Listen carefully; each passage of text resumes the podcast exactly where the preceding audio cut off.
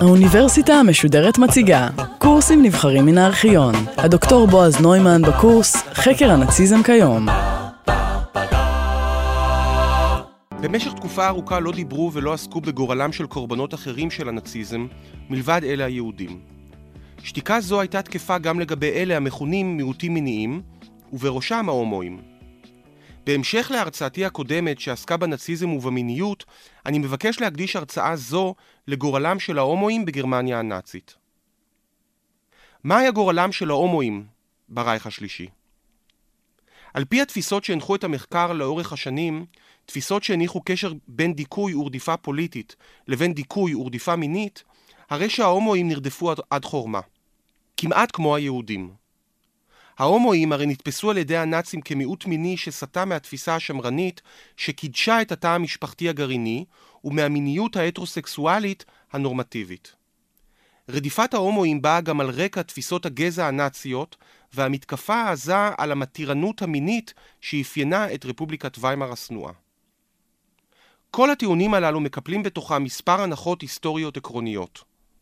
שרפובליקת ויימאר הייתה ליברלית ומתירנית מבחינה מינית, וגרמניה הנאצית לא, שהרייך השלישי היה משטר רפרסיבי, דכאני, בכל האמור לגבי מיניות שאינה מתקיימת בתוך התא המשפחתי הגרעיני, שהנאצים רדפו עד חורמה תפיסות והתנהגויות מיניות שאינן הטרוסקסואליות, ועוד.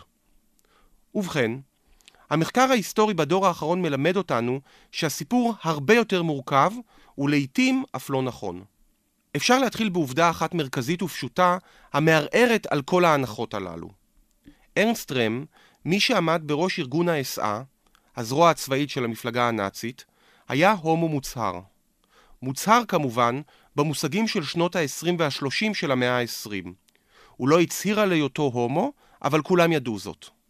זו עובדה מפתיעה ביותר מכיוון שמדובר באיש החזק ביותר בתנועה הנאצית אחרי היטלר.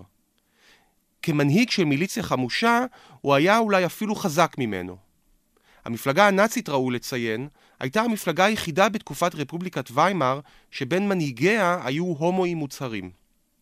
הסיפור של רם הוא לדעתי המפתח לסיפורם ולגורלם של ההומואים בגרמניה הנאצית.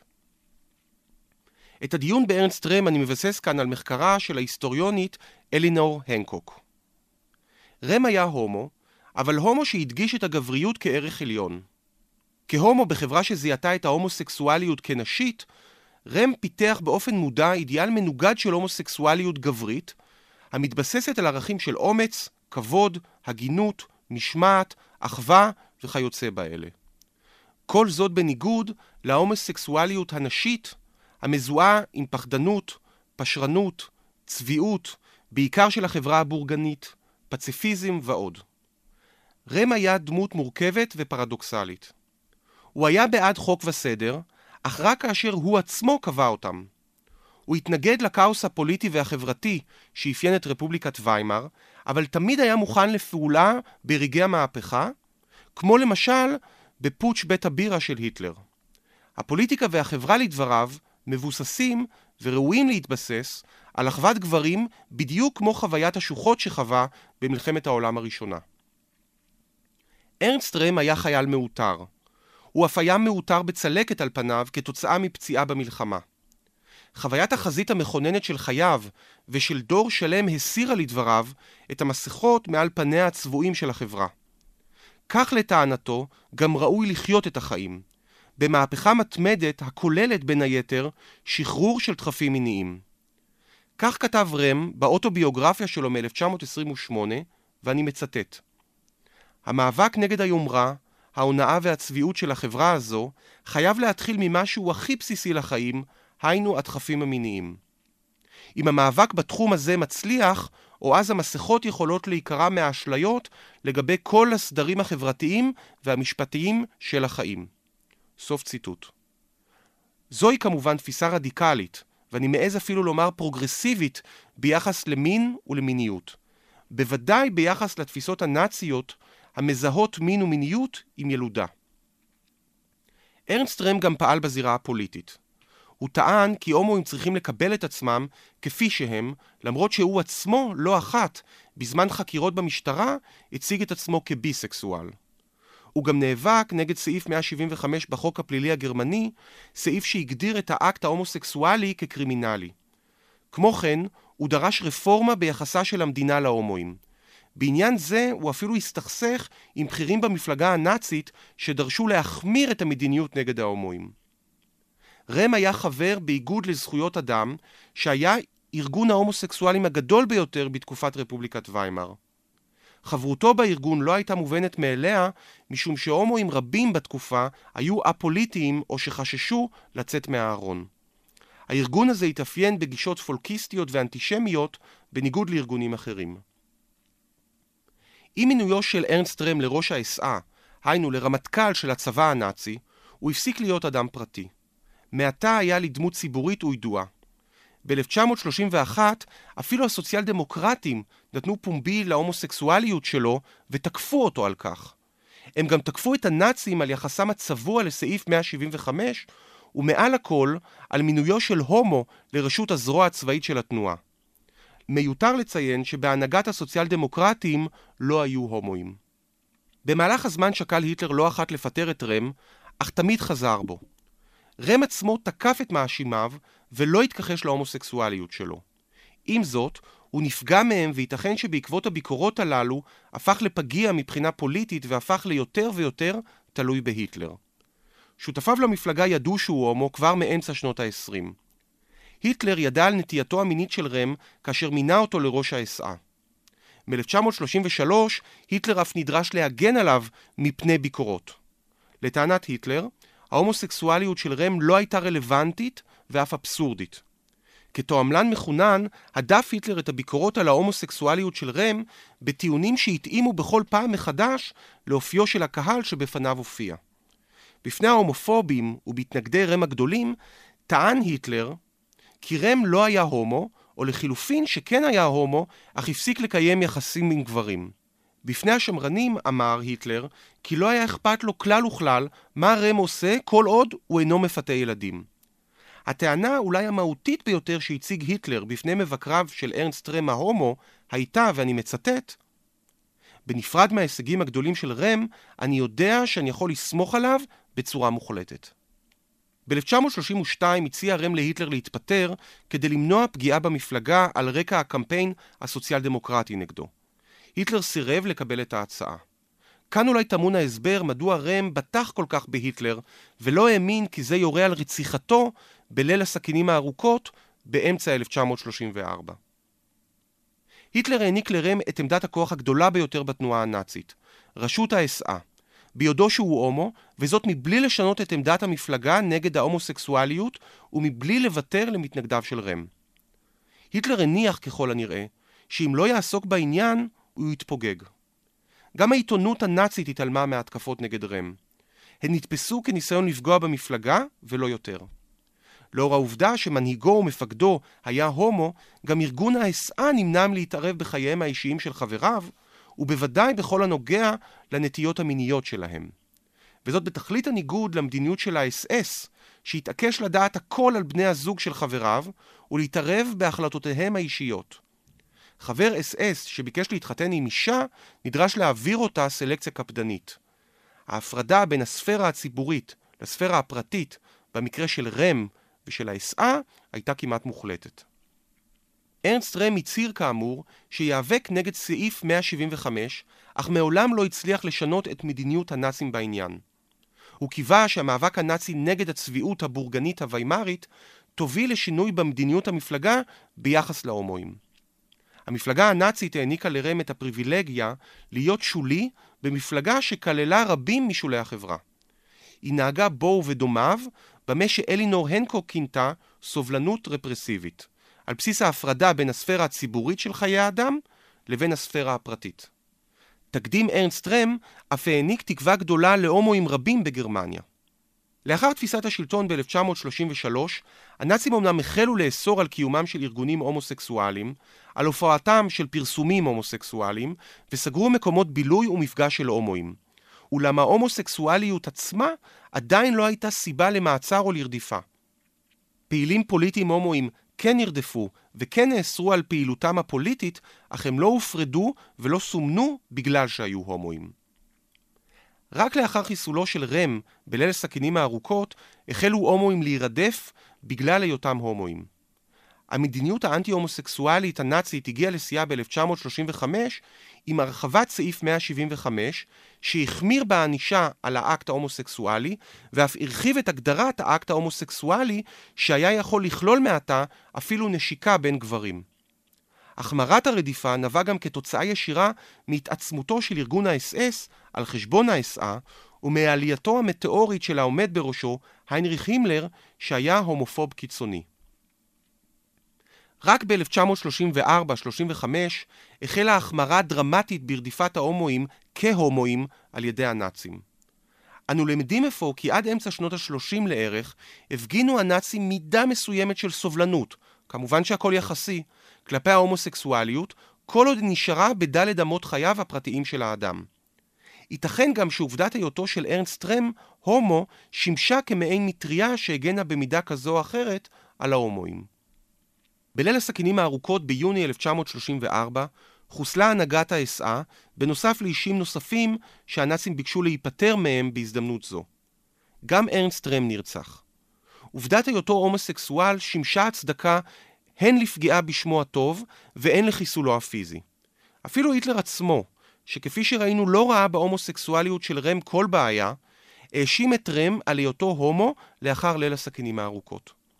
בנאום בפני הרייכסטאג ביוני 34, קבע היטלר מפורשות, ואני מצטט, החיים שראש המטה הכללי, כלומר רהם, וחוג מסוים מסביב לו החלו לנהל, היו בלתי נסבלים מכל נקודת מבט נציונל סוציאליסטית. סוף ציטוט. זאת ועוד, גורמים במפלגה טענו כי רהם פגע באיכותו של האס-אה מכיוון שהעדיף לקדם הומואים על חשבון אחרים ראויים יותר, וכל זאת במטרה לחזק ולבצר את מעמדו בארגון. ועם זאת, רם לא באמת חוסל בגלל ההומוסקסואליות שלו.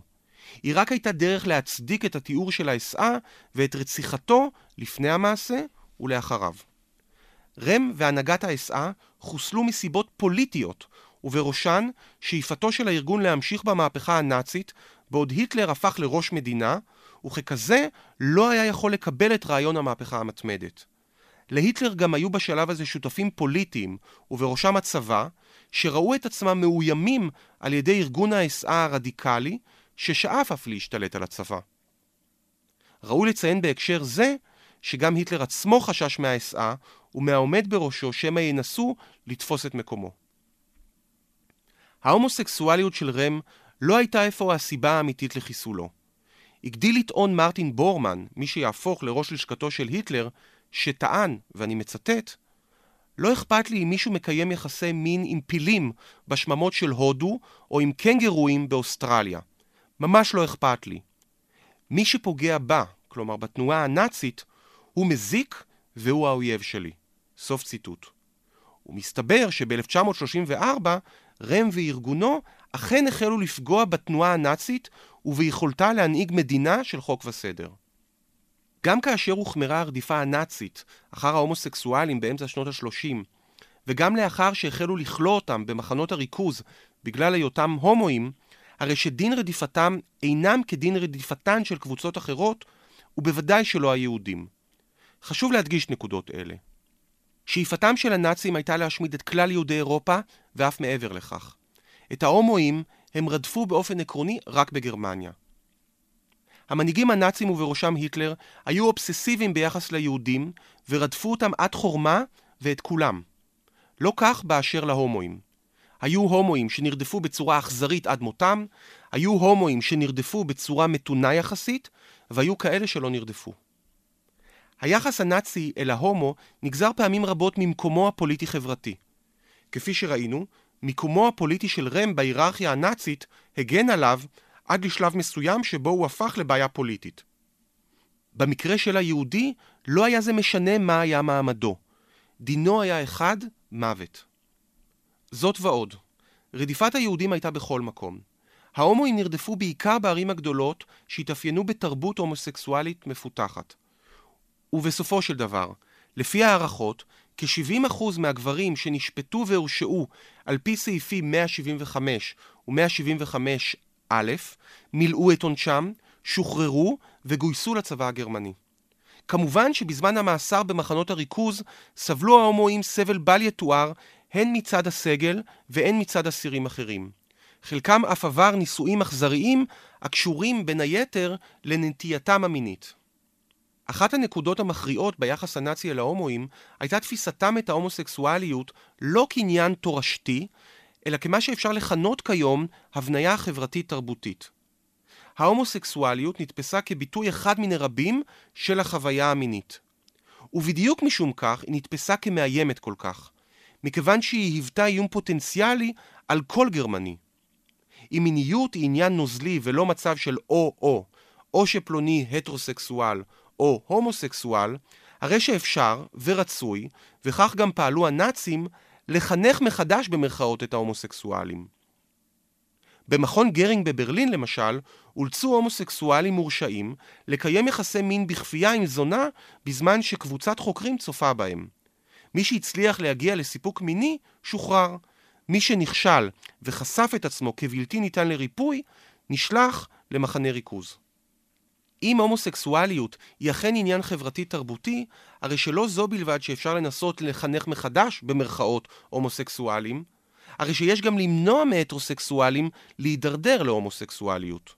ומומחי מין בשנות ה-30 ובראשית שנות ה-40 אכן ביקשו להסביר, בין היתר מעל גבי העיתונים, כי רגשות האשם בקרב הטרוסקסואלים על תחושות הומוסקסואליות הן לגיטימיות וטבעיות לגמרי. הגדיל לעשות הדס שוורצה קורפס, עיתון האס-אס, כשתקף ב-1936 את מה שהוא כינה המורליסטים הבורגניים, שתפסו את האקט המיני עם האישה כחטא מגונה. עמדה זו, לדעת כותב המאמר, היא שהובילה בני נוער רבים לחפש אחר מין הומוסקסואלי. אחד הפתרונות של היינריך הימלר ההומופוב היה לאפשר לבני הנוער לקיים יחסי מין עם נשים תמורת תשלום, וזאת כדי למנוע את הידרדרותם להומוסקסואליות. בנאום בפני מפקדי האס-אס בפברואר 1937, הצדיק הימלר את הזנות במילים הבאות, ואני מצטט: אתם רואים, אומר הימלר, אתם רואים? זה אפשרי להסדיר כל מיני עניינים באמצעות המדינה ובצעדים משטרתיים. אפשר לארגן את שאלת הזנות הנשית, שבהשוואה לשאלה זו של ההומוסקסואליות הגברית, היא בעיקרון לגמרי בלתי מזיקה. בתחום זה, ממשיך הימלר, אנו נהיה נדיבים מעבר לכל שיעור. אי אפשר למנוע מכלל בני הנוער מלהיסחף אל עבר ההומוסקסואליות אם באותו הזמן חוסמים בפניהם את כל החלופות. זה מטורף. אחרי הכל, כל הזדמנות חסומה לבלות עם נערות בערים הגדולות, אפילו אם זה בתמורה לכסף, תגביר את המוטיבציה של קבוצה גדולה לבלות עם הצד האחר. סוף ציטוט. במקביל לרדיפת ההומואים מאמצע שנות ה-30, החלה המדינה הנאצית למסד את הזנות ולהקים בתי זונות בערים, בחזית ואף במחנות הריכוז. המשחק היה אמור להיות משחק סכום אפס. יותר זונות, פחות הומוסקסואלים. כמובן שהיו סיבות רבות אחרות שבגללן הנאצים עודדו את הזנות הממוסדת ברייך השלישי. על כך בפעם אחרת.